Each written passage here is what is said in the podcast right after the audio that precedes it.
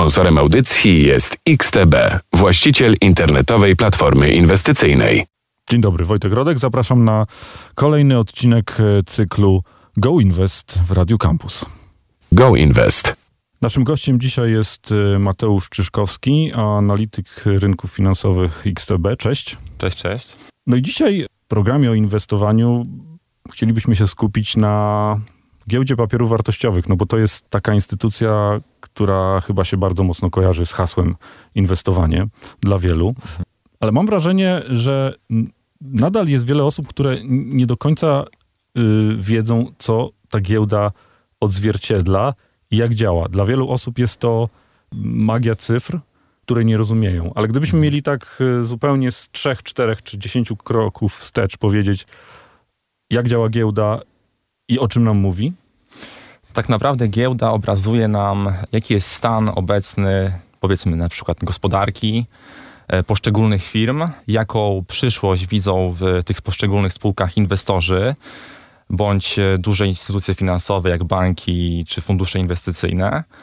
Tak naprawdę giełda odzorowuje rzeczywistość, to co się dzieje na świecie, to jak się kreuje polityka różnych państw, e, geopolityka, no i popyt i podaż, tak? Czyli odwieczne siły na rynku. No ale jeżeli mój kolega przyjdzie do mnie i powie, wiesz co, mam taki pomysł na biznes, tylko brakuje mi środków, może zainwestuj i, i, i, być może y, to się uda, być może nie. Jeżeli mi wierzysz, to zainwestuj, jeżeli nie, to nie. No ja się zastanawiam, ale rozumiem, że giełdę trzeba też traktować tak, że jeżeli jest jakaś ogromna spółka, a mam 200 mm, zł, no to nie muszę wykładać więcej, żeby również do tego sukcesu, w który wierzę, się podłączyć. Mhm. I tak trzeba chyba o tym myśleć. No, warto zawsze podchodzić do tego racjonalnie, tak? Jeśli faktycznie wierzymy, że dana spółka ma przed sobą świetlaną przyszłość, że perspektywy na, na, na, na generowanie jakichś tam e, przyszłych e, zysków, jeśli firma daje, daje takie sygnały, że będzie się rozwijała, to jak najbardziej warto, warto myśleć, żeby jakiś ten swój kapitał pomnażać. No to może powiedzmy trochę o tym, z jednej strony technicznie, jak zacząć inwestować na giełdzie, czyli mam jakieś środki i chcę te środki zainwestować. Mhm. Jak do tego podejść?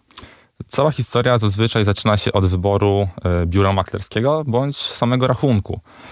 E, takimi najważniejszymi aspektami przy wyborze, którymi powinniśmy się wszyscy kierować, no to przede wszystkim jest bezpieczeństwo tych środków, tak?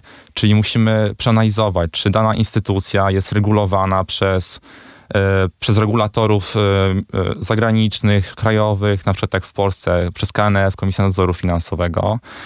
Drugim ważnym czynnikiem też jest transparentność kosztów i prowizji, które będziemy ponosić z tytułu zawierania takich transakcji. No i jeszcze kolejnym czynnikiem jest e, przejrzystość platformy i ilość oferowanych instrumentów, które będziemy mogli inwestować, tak? Bo jeśli broker jest, e, jeśli broker oferuje małą ilość takich instrumentów, no to nie będziemy też mogli w pełni wykorzystywać naszych jakichś pomysłów inwestycyjnych, czy nie będziemy mogli inwestować w poszczególne branże, ponieważ zabraknie nam odpowiednich spółek do, do czerpania potencjalnych korzyści z nich, tak? Czyli sprowadza się do tego, że mm, można sobie taki rachunek maklerski założyć, yy, wystarczy przelać tam środki, które chcielibyśmy inwestować. No i pewnie różne rachunki w różny sposób technicznie działają, ale mhm. mm, czym więcej tych y, możliwości inwestowania w różne aktywa mamy, tym lepiej. No bo inwestowanie to nie tylko giełda papierów wartościowych Polska, to są też e, inne giełdy. Mhm. I rzeczywiście łatwo jest na wyciągnięcie ręki mieć dostęp do tych rynków obecnie? Tak, dzisiejsze czasy przyniosły no, w, pewnym, w pewnym sensie taki e, no, dużą zmianę, tak? taką e, rewolucję, e, ponieważ polski rynek, e, pol, dla polskiego inwestora inwestowanie tylko na polskiej giełdzie już nie jest takie atrakcyjne. Dlatego coraz więcej osób szuka swoich nowych nowych pomysłów, szuka formy lokacji kapitału na rynkach, czy to w Stanach Zjednoczonych, czy to w Niemczech, nawet Japonii, w której również można inwestować swój kapitał. Czy to są tylko akcje spółek? Czy, czy należy też i można też myśleć o, o innych aktywach dzięki tym instrumentom, o których mówimy, czyli tym rachunkom? Bo no, z tego co wiemy, trochę takich możliwości jest. Tak, jak najbardziej. Oprócz zwykłych akcji możemy inwestować również w kontrakty na zmianę, na surowce, na waluty, na indeksy giełdowe, bądź kryptowaluty czy fundusze ETF. Czyli tak naprawdę możemy również kupić w pewnym sensie surowiec. Jeżeli nasza analiza e, wykaże e, i pomysł na inwestycje, że warto kupić e, na przykład węgiel, to mhm. nie trzeba kupować wagonu węgla i stawiać go pod blokiem. Tak, tak. Tylko dzięki tym instrumentom można to zrobić.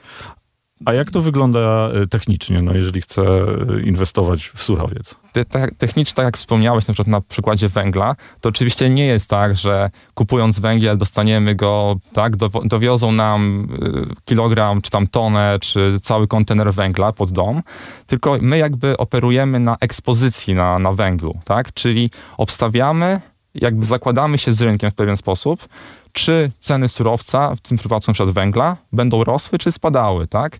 Jakby naszym zyskiem jest tylko i wyłącznie ta różnica, tak? Pomiędzy ceną kupna naszą bądź sprzedaży, a, a ceną w przyszłości. Natomiast, żeby to uprościć, sprowadza się do tego, że rozumiem, można kupić jakąś tam jednostkę węgla w jakiejś cenie. Jeżeli ten węgiel rośnie, to sprzedaje się tak samo jak akcja rośnie po jakiejś innej cenie. Dokładnie, dokładnie. no dobrze, za chwilę wracamy do rozmowy. Go Invest. Dzisiaj w programie Go Invest e, skupiamy się głównie na e, zagadnieniach związanych e, z inwestycjami na giełdach papierów wartościowych. Mm, na pewno w tych programach będzie się jeszcze dużo przewijać wątków dotyczących sposobu podejmowania decyzji, podejścia do, do inwestycji, pomysłów, jakie należy sobie w głowie ułożyć. No ale są też takie pomysły, które mogą się wydawać o wiele prostsze, czyli tak zwane inwestowanie w indeksy, czy też ETF-y. Na mhm. czym to polega? Indeks to jest zbiór akcji spółek poszczególnych, które bardzo często są kategoryzowane w zależności od kapitału, ich kapitalizacji bądź e, głównego sektora, w którym działają. Tak? Czyli na przykład na przykładzie Stanów Zjednoczonych mamy e, indeks e, Nasdaq 100, który reprezentuje 100 największych spółek z sektora właśnie technologicznego. Czyli WIG20 to jest WIG, czyli to jest indeks polskich największych 20, 20 spółek. największych spółek Albo słyszymy teraz e, WIG Gaming, mhm. czy WIG Gry, to są spółki z branży gier. Albo WIG Banki, tak. tak. Czyli możemy sobie kupić zbiór spółek, które reprezentują jakiś sektor lub jakiś indeks, no bo to nie musi być tylko sektor. Mhm.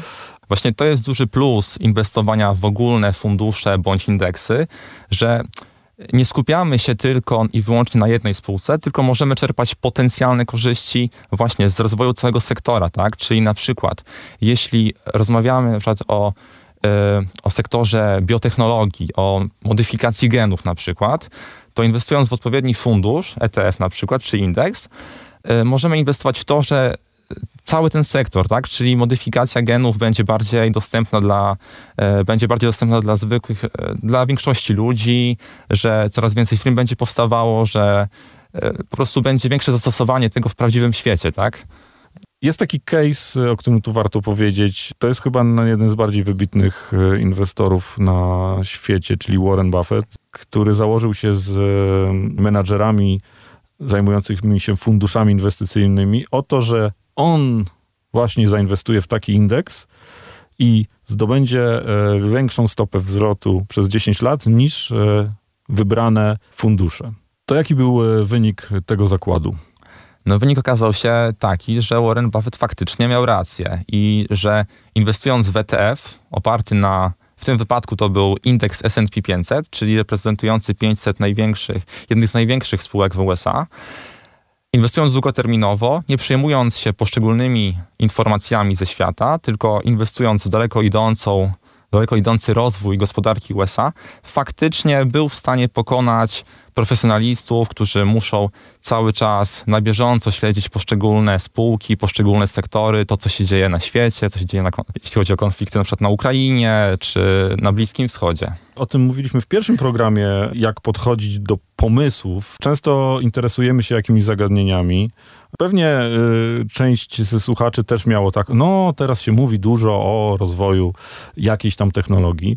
No i wcale nie trzeba, rozumiem, szukać jednej, drugiej czy trzeciej spółki, która tą technologię rozpoczyna, no bo to być może jest jakieś większe ryzyko, bo nie wiemy, czy tej, mhm. czy drugiej, czy trzeciej e, to się powiedzie, a zainwestować w cały sektor i to zabezpiecza pomysł, jak rozumiem, e, i e, jakąś tam poprzedzoną analizą e, podejście do danego sektora. Często się słyszy o dużych sukcesach inwestorów. Mniej może słyszy się o, o, porażkach, ale być może prywatnie, jak rozmawiamy ze znajomymi, y, tymi, którzy zaczynali inwestować na giełdzie, no to o takich porażkach być może trochę częściej się możemy dowiedzieć. Dlatego powiedzmy może y, o najczęstszych błędach w inwestowaniu na giełdzie. Mhm. Oczywiście najczęstszymi błędami są te, które wynikają z nas. I to jest takie trochę zastanawiające, że zazwyczaj słyszymy, że o, straciłem, bo na przykład e, ropa za dużo straciła, tak? Że rynek nam odjechał. Tak się mówi w takim slangu inwestycyjnym. Chociaż to nie jest do końca prawda. Zazwyczaj te wszystkie problemy i, na, jakby, i te błędy wynikają z nas, z naszej, z naszej psychologii.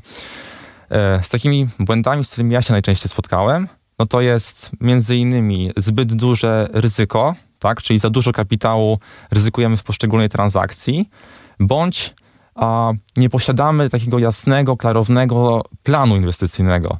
Czyli nie wiemy, że jeśli załóżmy inwestując w akcję CD Projekt, nie wiemy, czy nie ustalamy sobie, że jeśli spadnie nam akcja o tyle, to my wtedy zamykamy, uciekamy z tej transakcji. Tylko staramy się trzymać się, tak? Te straty nam Oszukujemy się, sami siebie. Oszukujemy sami siebie, akumulujemy te straty i wchodzimy jeszcze w większą spiralę błędów, tak? I to jest taka właśnie odwieczny, według mnie przynajmniej, odwiecznym problemem inwestycji nie jest właśnie to, co jest z zewnątrz, tylko to wewnątrz, to jakby my, nasza głowa, nasza psychika. Czyli tak naprawdę bardzo mocno pewnie wynika to też z doświadczenia, ale przede wszystkim e, z tego, żeby nie podejmować dużego ryzyka, e, bo inwestując zawsze podejmujemy jakieś ryzyko mhm. i na koniec mieć strategię i pomysł na to, co ta inwestycja ma przynieść. Czy zysk taki nas zadowala, a strata taka nas, e, jak rozumiem, odcina i powoduje, że niezależnie co może się wydarzyć, sprzedajemy te akcje. To na pewno jest bardzo łatwe w teorii, a w momencie, kiedy ktoś inwestuje jakieś pieniądze, no to e, w głowie nawet te strategie, o których mówimy, być może e, odsuwają się tak. na plan dalszy. Naszym gościem był Mateusz Czyszkowski, analityk rynków finansowych w XTB. Dzięki. Dzięki wielkie. Sponsorem audycji jest XTB, właściciel internetowej platformy inwestycyjnej.